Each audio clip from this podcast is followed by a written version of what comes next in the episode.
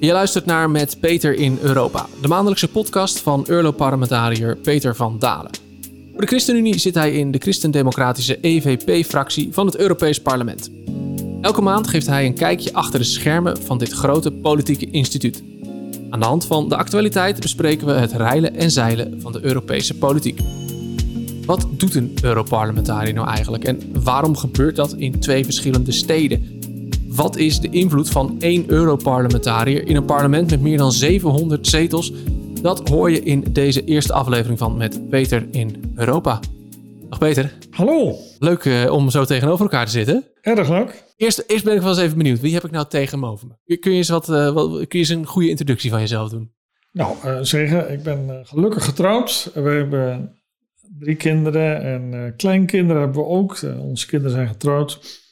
Zelf um, voel ik me gezegend mens dat ik dit werk mag doen.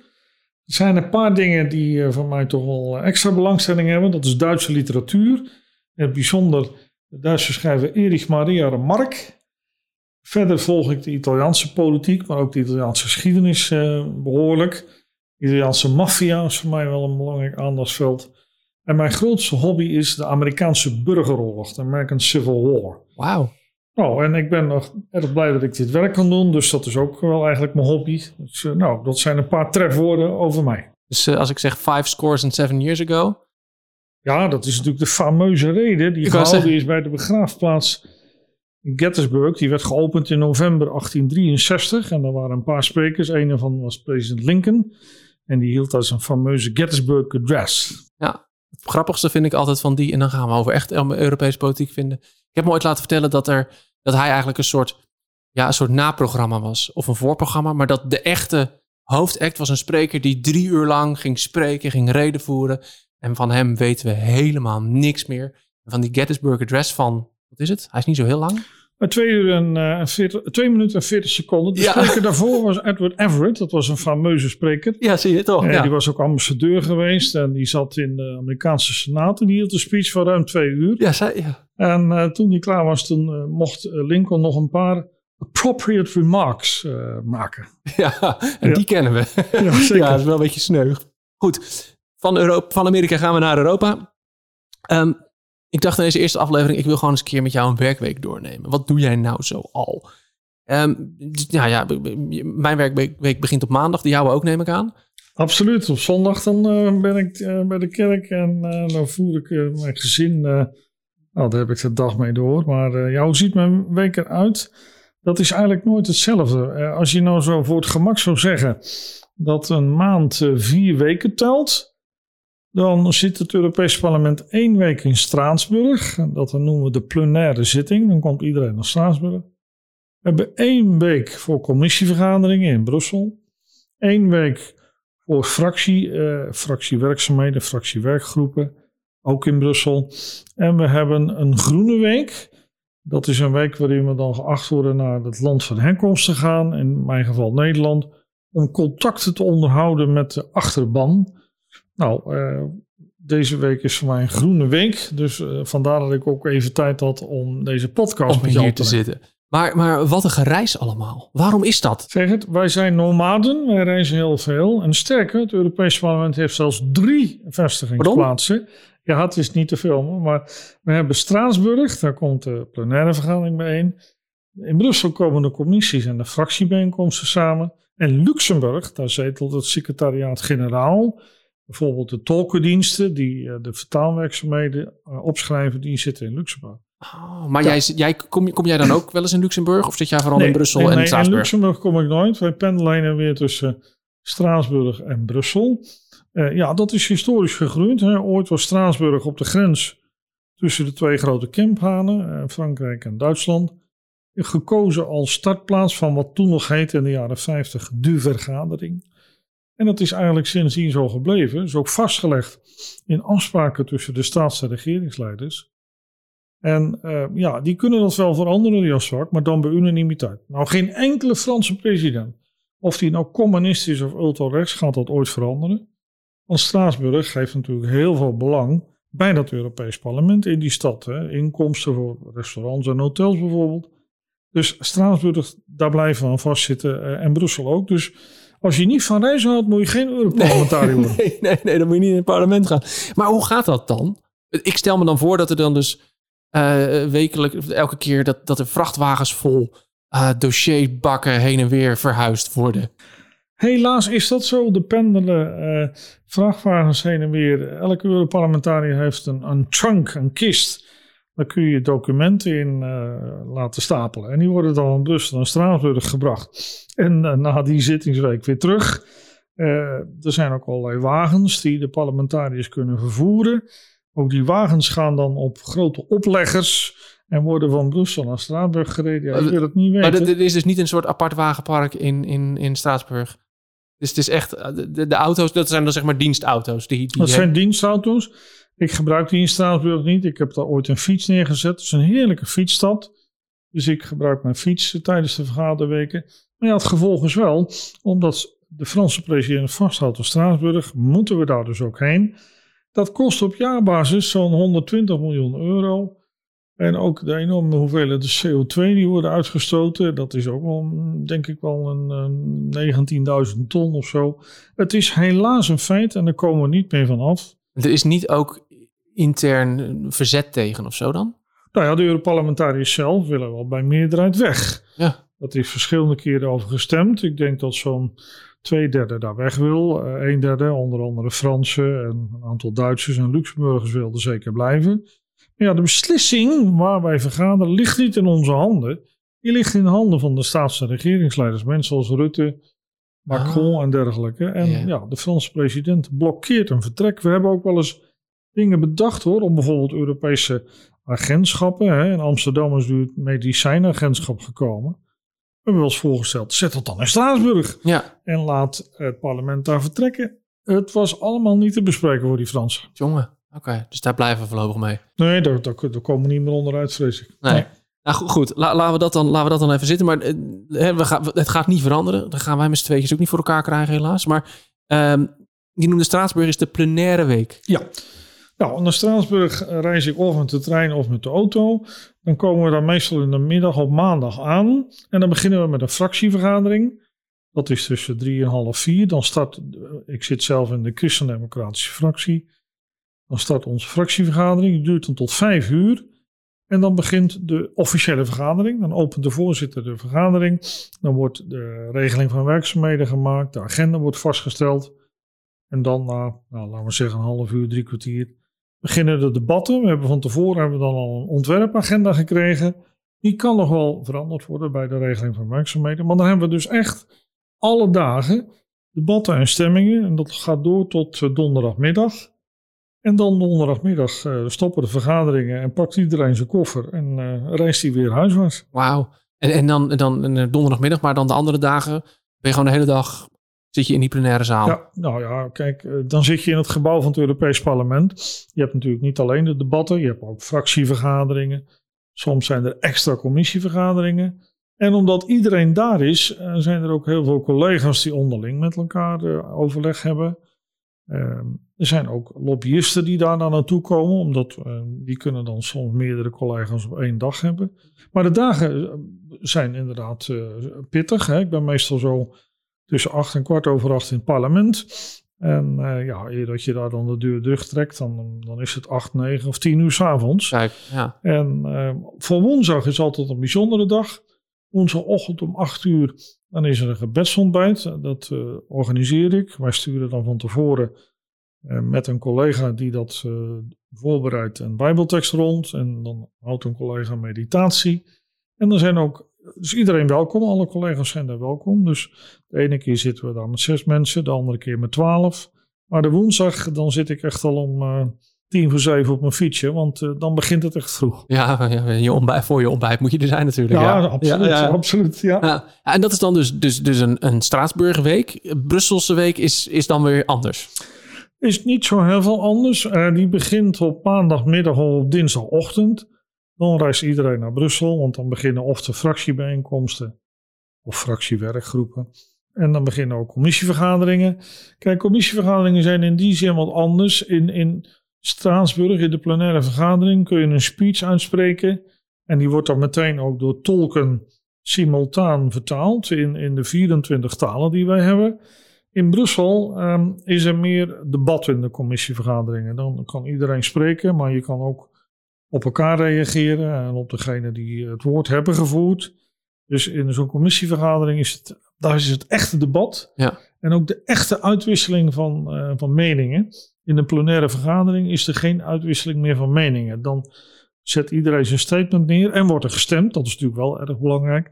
Maar in de commissies is dat uh, veel levendiger. Ja. Speelt de actualiteit daar dan nog een rol in? Uiteraard. Dat is een van de redenen die uh, bij de regeling van werkzaamheden bij de plenaire op maandagmiddag wordt geregeld.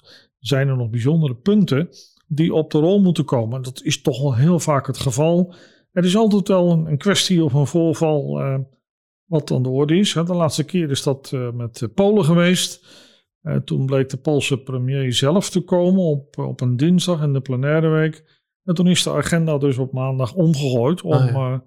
Op dinsdag de hele ochtend met hem een debat te houden. Ja. Ja, ja, en was dat debat toen over de rechtspraak in Polen. Denk ja, ik, hè? dat klopt. Ja. Um, het parlement is al langere tijd zeer kritisch op, um, op Polen en de Poolse regering. En, en daar ben ik zelf ook zeer actief in. Wat de Poolse regering nu doet, is toch stap voor stap de hele rechtsstaat ja, misschien, afbreken. Ja, misschien kun je heel even uitleggen wat, wat daar gebeurd is ja, voor mensen die nou, het een beetje gemist hebben. Er verschillende dingen. Um, een van de zaken die daar aan de orde is, is bijvoorbeeld dat de Poolse regering heeft... Uh, um, anderhalf, twee jaar geleden een zogenaamde tuchtkamer geïnstalleerd. Die houdt dan toezicht op de rechtelijke uitspraken en de officieren van justitie.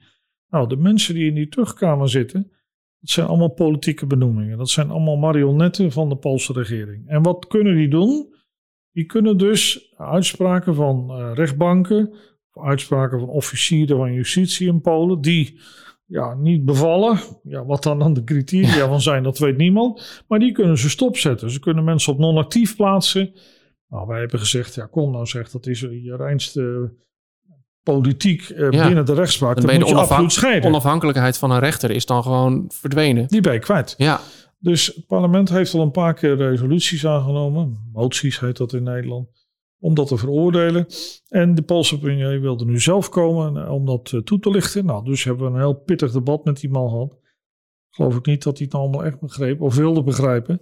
Maar ik heb daar gezegd, hoor eens, um, je kan niet van twee walletjes eten. Hè? Dat doen die Polen. Aan de ene kant uh, hanteren ze het Europese recht zoals ze dat zelf willen hanteren.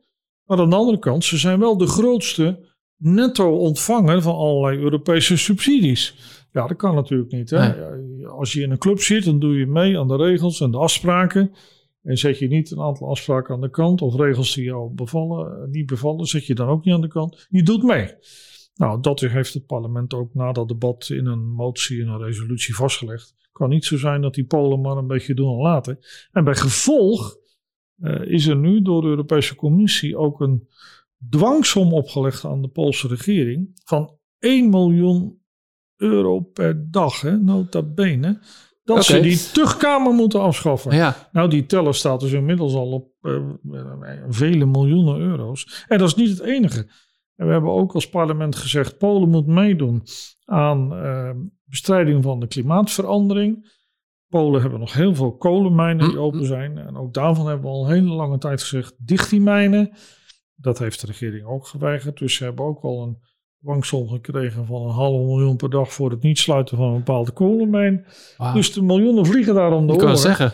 En die Polen, die, die blijven eigenwijs. Maar, maar ik vind dat echt verwerpelijk. Je doet mee aan de afspraken die we hebben, of je moet vertrekken. Ja, dat lijkt me, dat, dat klinkt ook heel logisch natuurlijk. Maar wat, wat, wat, wat doet zo'n Poolse premier dan daar op dat moment? Want die, die komt dan, die kiest er dus toch voor om zijn beleid te verdedigen. Nou, dat, ergens denk ik dan, nou, good on you. Dat je, dat je in ieder geval, hè, je hebt in ieder geval uh, de ballen om, om, om daar te komen en je beleid te verdedigen. Uh, hij, wordt, hij krijgt een motie om zijn oren. Of, uh, maar dan doet hij daar dan wat mee? Nou, ik vind het inderdaad zeer te waarderen dat hij naar het parlement komt. Want hij weet dat hij daar in het hol van de leeuw dat komt. Ik, ja. ja. want er zijn natuurlijk de meeste collega's ondersteunen zijn beleid bepaald niet. Uh, toch zit er, dat waardeer ik. Maar er zit wel een andere kant in. Dat is voor het thuisland Polen zelf. In de zaal zitten dan wel uh, alle parlementariërs van zijn partij. Dat zijn er een stuk of dertig. Nou, die klappen zich de blaren op de handen. En die juichen bijna als hij spreekt. En dat komt natuurlijk s'avonds op de tv Ja, ja, ja, in. Polen. Want de tv in Polen wordt ook gecontroleerd door de staat. Dus die, die bel die speelt een thuiswedstrijd voor zijn eigen tv. En de stukjes met lastige vragen van onder andere Peter van Dalen... die worden niet Die uitgezonden. knippen ze natuurlijk. natuurlijk uit, ja. Zo werkt het. Maar, maar dan, dan de volgende vraag is dan... hoe lang kan Polen dan op deze manier nog lid blijven van de EU? Nou ja, kijk, het probleem is... eh, je kan niet een land uit de EU zetten. Nee. We hebben wel keurig geregeld hoe een land in de EU moet komen. Daar zijn allerlei eh, artikelen en bepalingen over. Er is nergens vastgelegd hoe een land eruit moet. Zolang deze regering daar zit, denk ik niet dat ze eruit gaan. Want ze weten, we krijgen enorm Ja. veel subsidie. Dus dit, dit wordt een spel wat we nog wel een tijd zullen zien. Totdat er misschien een andere regering komt. Ja, ja of dat het een van de partijen eh, een stapje terug doet of zo. Of inbindt of zo. Nou ja, manier. kijk, Maar ja, eh, Europa gaat dat niet doen. Sterker nog, het Europees Parlement heeft de Europese Commissie eh, echt een duw in de rug gegeven om door te zetten in het aanpakken van Polen. Dus Europa gaat niet wijken. De enige verandering kan denk ik zijn als er bij verkiezingen, die zijn geloof ik over twee jaar, een andere regering komt. Vind je dat leuk als jouw werk op deze manier zo verweven raakt met de actualiteit van de dag? Ja, dat vind ik eigenlijk best leuk. Ja, ja ik, ik hoor. ik zie ook eh, aan je dat je nu gelijk, je gaat lekker rechtop zitten. Je krijgt, er komt wat passie in je stem. Kijk, er zijn toch een hoop mensen die denken... ach ja, die Europarlementariërs die reizen wat heen en weer. Dat zijn zakkenvullers. En die, zitten daar pesten- een geld. En die pesten ons alleen maar. Ja. Nou, dat is het niet zo. Eh, wij zijn serieus politiek aan bedrijven. En wij hebben ook de macht om dit soort landen... ehm, eh, nou ja, goed op het spoor te houden en te zeggen: luister, als je dat niet doet, nou dan komen er dus dwangsommen of dan krijg je geen subsidie meer. Dus dat gaat wel ergens over. Ja, ja, ja, dat werk ik. Ik zie het ook aan je. Dat je dan denkt, ja, lekker, dit is, dit is fijn. Ik kan me voorstellen, maar ja. Kijk, joh, het zou natuurlijk gek zijn, eh, ook of je nou van de Europese Unie lid bent of van de voetbalvereniging hier om de hoek, als jij een beetje je eigen rails gaat bepalen. Dat kan natuurlijk niet. En dan is juist het Europese parlement er om te zeggen, ho ho, we hebben wel met elkaar afgesproken, zo doen we het. En wie niet horen wil, die moet dan maar voelen. Jij hebt daar de Poolse president toegesproken. Dat is ook weer even iets waar ik denk, oh ja, dat doe jij gewoon. Jij hebt gewoon de Poolse president toegesproken. Dat, dat is wel bijzonder. Tegelijkertijd, er zitten meer dan 700 parlementariërs in het parlement. 705. 705. Jij bent er daar dus eentje van. Wat is dan, ja, hoe, hoe kun jij er dan voor zorgen dat jouw stem gehoord wordt? Ja, nou in de eerste plaats die 705, dat is, klinkt veel, maar dat valt ook wel mee. De nieuwe Duitse Bondsdag heeft bijvoorbeeld 709 eh, afgevaardigden. En in Italië, in, eh, daar zitten, daar dacht ik ook meer dan 400 in het parlement. Dus in verhouding valt het wel mee. Maar je hebt gelijk. Hoe kun je daar je stem laten Ja. horen? Nou, dat kan. eh, in de eerste plaats moet je een goed team hebben. Het is belangrijk dat je een goede ploeg mensen om je heen hebt. En je moet focus zetten. Je kan niet alles doen. Dus je moet pakweg drie tot vijf dingen zeggen van je, daar ga ik voor. Nou, dat is denk ik inmiddels voor ons, eh, samen met mijn team, wel aardig gelukt. In die grote christendemocratische fractie, waar ook meer dan 180 leden zitten. Ik zet focus op een aantal onderwerpen. En dat is voor mij mensenrechten, godsdienstvrijheid, eh, visserij, milieu, de euro. Nou, en op die terreinen, ehm, ja, dan kom je toch op een gegeven moment, als je hard genoeg werkt, toch wel naar voren als een, een van de trekkers van het parlement. Ik Ja. bijvoorbeeld op buitenlands eh, zakenterrein, mensenrechten en godsdienstvrijheid, ben ik echt een van de speelfiguren geworden in het Europees parlement. Dat word je niet van eh, dag 1 op dag 2, dan moet je hard verwerken. Maar als je dat serieus doet en eh, je zorgt dat je daar steeds aanwezig bent en ook een inbreng houdt en je contacten hebt, nou, dan kun je op een aantal van die focusterreinen, dat geldt dan voor mij, maar dat geldt eigenlijk voor alle hardwerkende collega's, kun je echt wel een centrale rol krijgen in zo'n parlement. Ja, ja. Je noemt al een paar keer de fractie. Ik zei het in de introductie ook. Jij bent lid van de EVP-fractie in het Europarlement. Kun jij eens uitleggen wat die fracties zijn? Want ik kan me voorstellen dat heel veel mensen niet precies weten hoe dat nou zit en waarom dat zo belangrijk is. Ja, het lijkt een beetje op de fracties in Den Haag. Ook in het Europees Parlement hebben we een stuk of acht, negen fracties. Dat begint bijvoorbeeld helemaal aan de linkerkant. Dan heb je de linkse fractie, die heet ook de Left. Er zitten bijvoorbeeld communisten in, maar ook mevrouw Anja Hazekamp van de Partij voor de Dieren. Je hebt de socialisten, daar zitten de mensen van de PvdA in. Je hebt de Groenen, daar zitten de collega's van GroenLinks in. Je hebt Renew, dat is een liberale sociale fractie. Daar zitten en de VVD in en mensen van D66. En dan heb je de Christen-Democratische fractie. Daarin zit ik met uh, een zestal collega's van het CDA. Uh, en dan heb je nog de conservatieven. Daarin zit bijvoorbeeld de SGP met uh, mensen van JA21.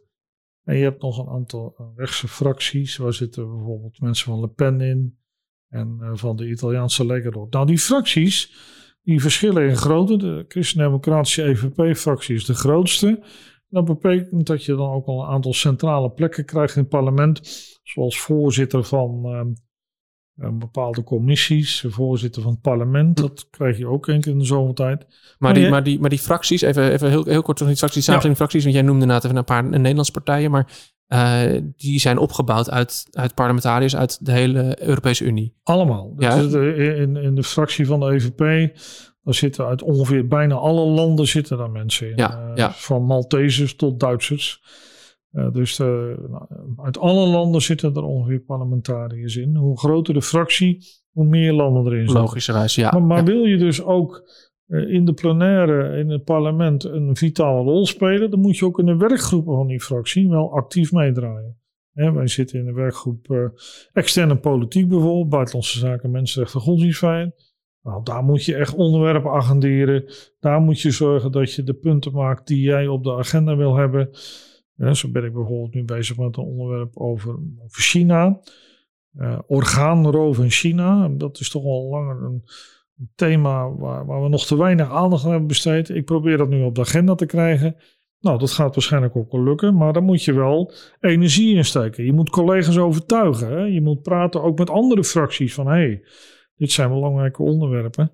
Dus uh, ja, op die manier werkt dan zo'n fractie. En, uh, en, en het werk in de fractie is echt uh, vitaal -hmm. om het voor elkaar te krijgen. dat, je, ja, dat je punten op de agenda krijgt. Ik zei overigens zes collega's van het CDA, maar het zijn er vijf. Oh. Ik ben nummer zes. Ja, je bent de zesde de Nederlander. Jij bent van de ChristenUnie. Ja, ja, ja, ja. Nou, we, hebben, we hebben de rectificatie genoteerd. Zijn er nou dingen waarvan je denkt... Ja, dit, dit heb ik dit heb ik op de kaart kunnen zetten, dit heb ik kunnen bereiken. Uh, waar, waar, ik nou echt wel trots op ben. Ja, nou even nog dat de overeenkomsten en verschillen met Den Haag. Kijk, in Den Haag behoor je tot de coalitie of je zit in de oppositie. Zoiets kennen we eigenlijk niet in Europa. Elk onderwerp op zich moet je weer op de agenda krijgen en moet je je best voor doen. Ik ben zelf al jaren bezig met de situatie in Pakistan. Mm -hmm. Ik heb in Pakistan bijvoorbeeld bemoeid met de zaak van mevrouw Asia Bibi. En um, nou, ik heb ook gezegd, we moeten nog meer doen aan um, de situatie in Pakistan. Waarom? Omdat Pakistan heeft een, een handelsrelatie met Europa, waardoor ze uh, een voordeel hebben bij de export van Pakistanse producten naar Europa toe. Ze kunnen producten tegen een gratis, zonder tariefheffingen, zonder importheffingen naar Europa versturen. Maar aan de andere kant is er wel de eis, dat mag alleen als je met de mensenrechten en de godsdienstvrijheid goed omgaat. Nou, dat punt is in Pakistan mankerende. De zaak van Asia Bibi heeft dat laten zien. Maar zo zijn er nog veel meer mensen die vervolgd worden vanwege hun geloof. En die ook de doodstraf erover krijgen, gekregen hebben. En een daarvan was een christelijk echtpaar, Sagufta en Sakwat. En ik heb gezegd, ja hoor eens Pakistan, als jullie uh, zulke gunstige handelsrelatie hebben met Europa, dan moet je ook de mensenrechten en de godsdienstvrijheid respecteren. En ik heb daarvoor afgelopen voorjaar enorm gelobbyd en gezegd: hoor eens, wij moeten tot een herwaardering, een revisie komen van die relatie met Pakistan.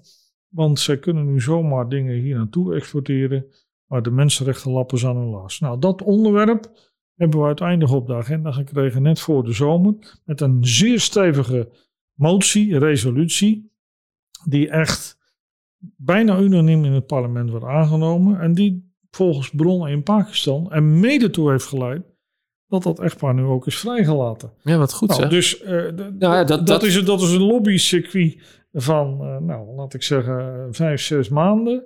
Maar dat heeft wel zijn vrucht ja, wat, wat, wat een, wat een werk dan ook. Dat je, dat je dus na vijf, zes maanden daarmee bezig bent. Nou ja, inderdaad, je, zegt, je, hebt, je hebt wel echt resultaat uh, bereikt. Er was ook nog een, een, een heb ik me al laten vertellen, uh, een rapport over windmolenparken op zee. Waar jij heel belangrijk in geweest bent. Ja, ik ben in de visserijcommissie uh, ook actief van het Europees Parlement. En een van de problemen voor de visserij in Europa, niet alleen van Nederland, dat zijn windmolens. Kijk, um, we moeten toe naar de groene energie. Um, maar windmolens op land, uh, die zijn niet populair. Mensen willen die dingen niet in Niet in mijn achtertuin, nee. En dus zegt, uh, zeg maar steeds meer, zet ze maar in zee. Ja, Kijk, uh, je moet nog niet denken dat als je iets in zee plaatst en je het niet meer ziet, dat het dan ineens allemaal beter wordt. Dus in de visserijcommissie heeft mij gezegd, Peter, ga jij nou eens na wat voor effect hebben windmolens in zee op het leven in zee? Nou, dat betekent dat ik de afgelopen maanden echt met iedereen gesproken heb in de wereld van de windmolens, van bouwers, ontwikkelaars, organisaties die opkomen voor het leven in de Noordzee, visserijorganisaties. Je kan het zo gek niet bedenken. We hebben iedereen gesproken en ik ben toch wel geschrokken.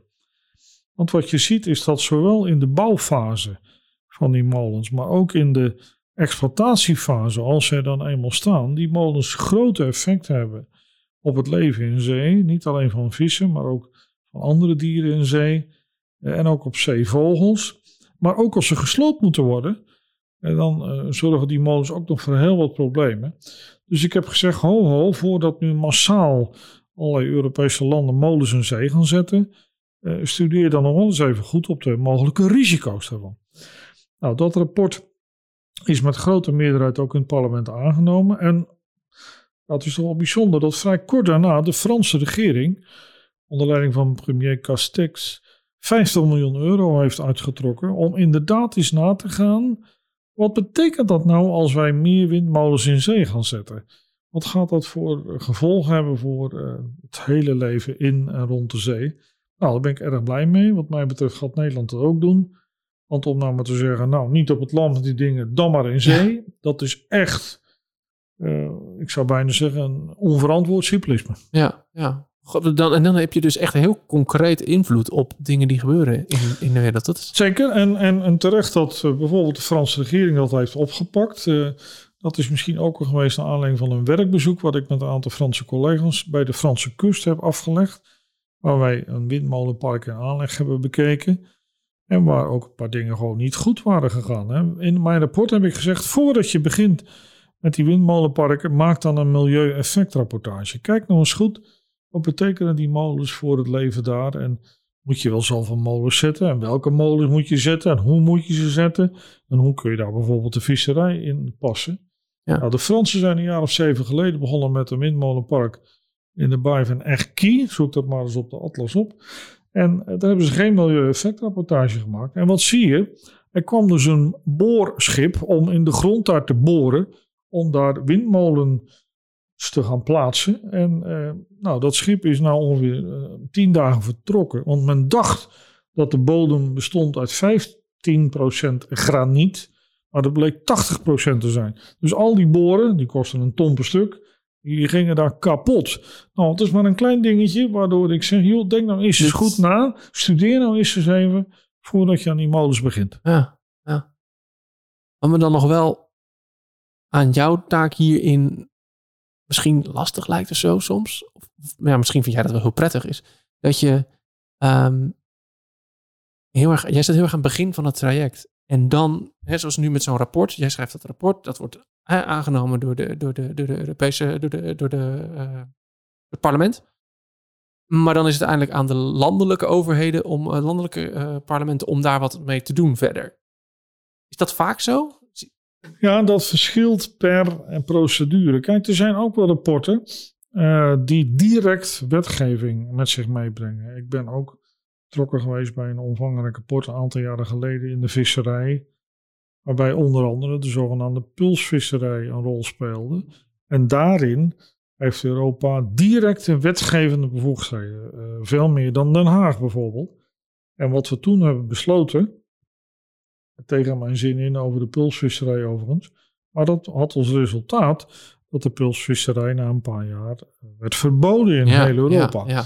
Dus het hangt een beetje van het type rapport af en het type soort wetgeving. Hier bij die windmolens was het echt een initiatiefrapport van het parlement zelf, waarbij men zei: hey, lidstaten, voordat je nu massaal windmolens in bijvoorbeeld de Noordzee gaat zetten, denk eens even na. En wij leggen op tafel onze voorstellen hoe je moet nadenken. Nou, gelukkig zagen we vrij snel daarna dat de Franse regering dat in ieder geval volledig heeft opgepakt. Ja. ja. Hoe ziet de komende week eruit? Komende week is een uh, gemengde week met uh, vergaderingen in Brussel en in Nederland. Um, ik heb op maandag en op dinsdag heb ik um, commissie Mensenrechten van het Europees Parlement. En onder andere de fractiewerkgroep Buitenlandse Zaken. Uh, op woensdag ga ik naar het congres van de Christendemocratische Partij. Dat vergadert in Rotterdam en daar ben ik dan gast. Ik ben er uitgenodigd om bij aanwezig te zijn. De Christendemocratische Partij, is dat dan de EVP-fractie of is dat dan weer, ja, weer net je iets hebt anders? de EVP-fractie, maar je hebt ook nog de, de EVP-partij. Ja, het duivelt misschien wel. Ja. Maar, uh, dus je hebt, ik zit in de EVP-fractie. Ik ben geen lid van de EVP-partij, maar men heeft men daar uitgenodigd omdat ik in de fractie zit. Maar die partij is ook, is dat een partij à la, zoals de ChristenUnie is? Ja, dat is een Europese partij. Daarin zitten alle christendemocraten van alle Europese landen. En die partij heeft een, een voorzitter, die partij heeft een secretaris-generaal. Zetels in het parlement ook? Nou ja, zetels in het parlement. Uh, in het Europees parlement ja. zijn het er ruim 180. Maar ze hebben natuurlijk ook afgevaardigden. Bijvoorbeeld in Nederland. De CDA heeft nu geloof ik 14 ah. parlementariërs in Nederland. Ja, ja. Die zijn ook allemaal aangesloten ah, zo bij de dat, ja. partij Juist. En Helder. we hebben ook nog in die week de Dag van de Ondernemer. Dus één keer per jaar. Dan uh, bezoek ik ondernemingen die uh, nou, speciale ontwikkelingen hebben. Ik zei al, speerpunt voor mij is bijvoorbeeld het milieu. Dus we gaan dan in die week naar een ondernemer die op een milieuvriendelijke manier bezig is met vis en visverwerking. Nou, dat zijn een paar van de highlights van die week. Helemaal goed. Volgende maand dan spreken wij elkaar weer. Prima. Je luisterde naar Met Peter in Europa, een podcast van de ChristenUnie en de EVP-fractie. Mijn naam is Segert van der Linden. Volgende maand maken we weer een nieuwe aflevering. Abonneer je op de podcast in je favoriete podcast-app, dan verschijnt de aflevering vanzelf in je feed. Bedankt voor het luisteren en tot de volgende aflevering.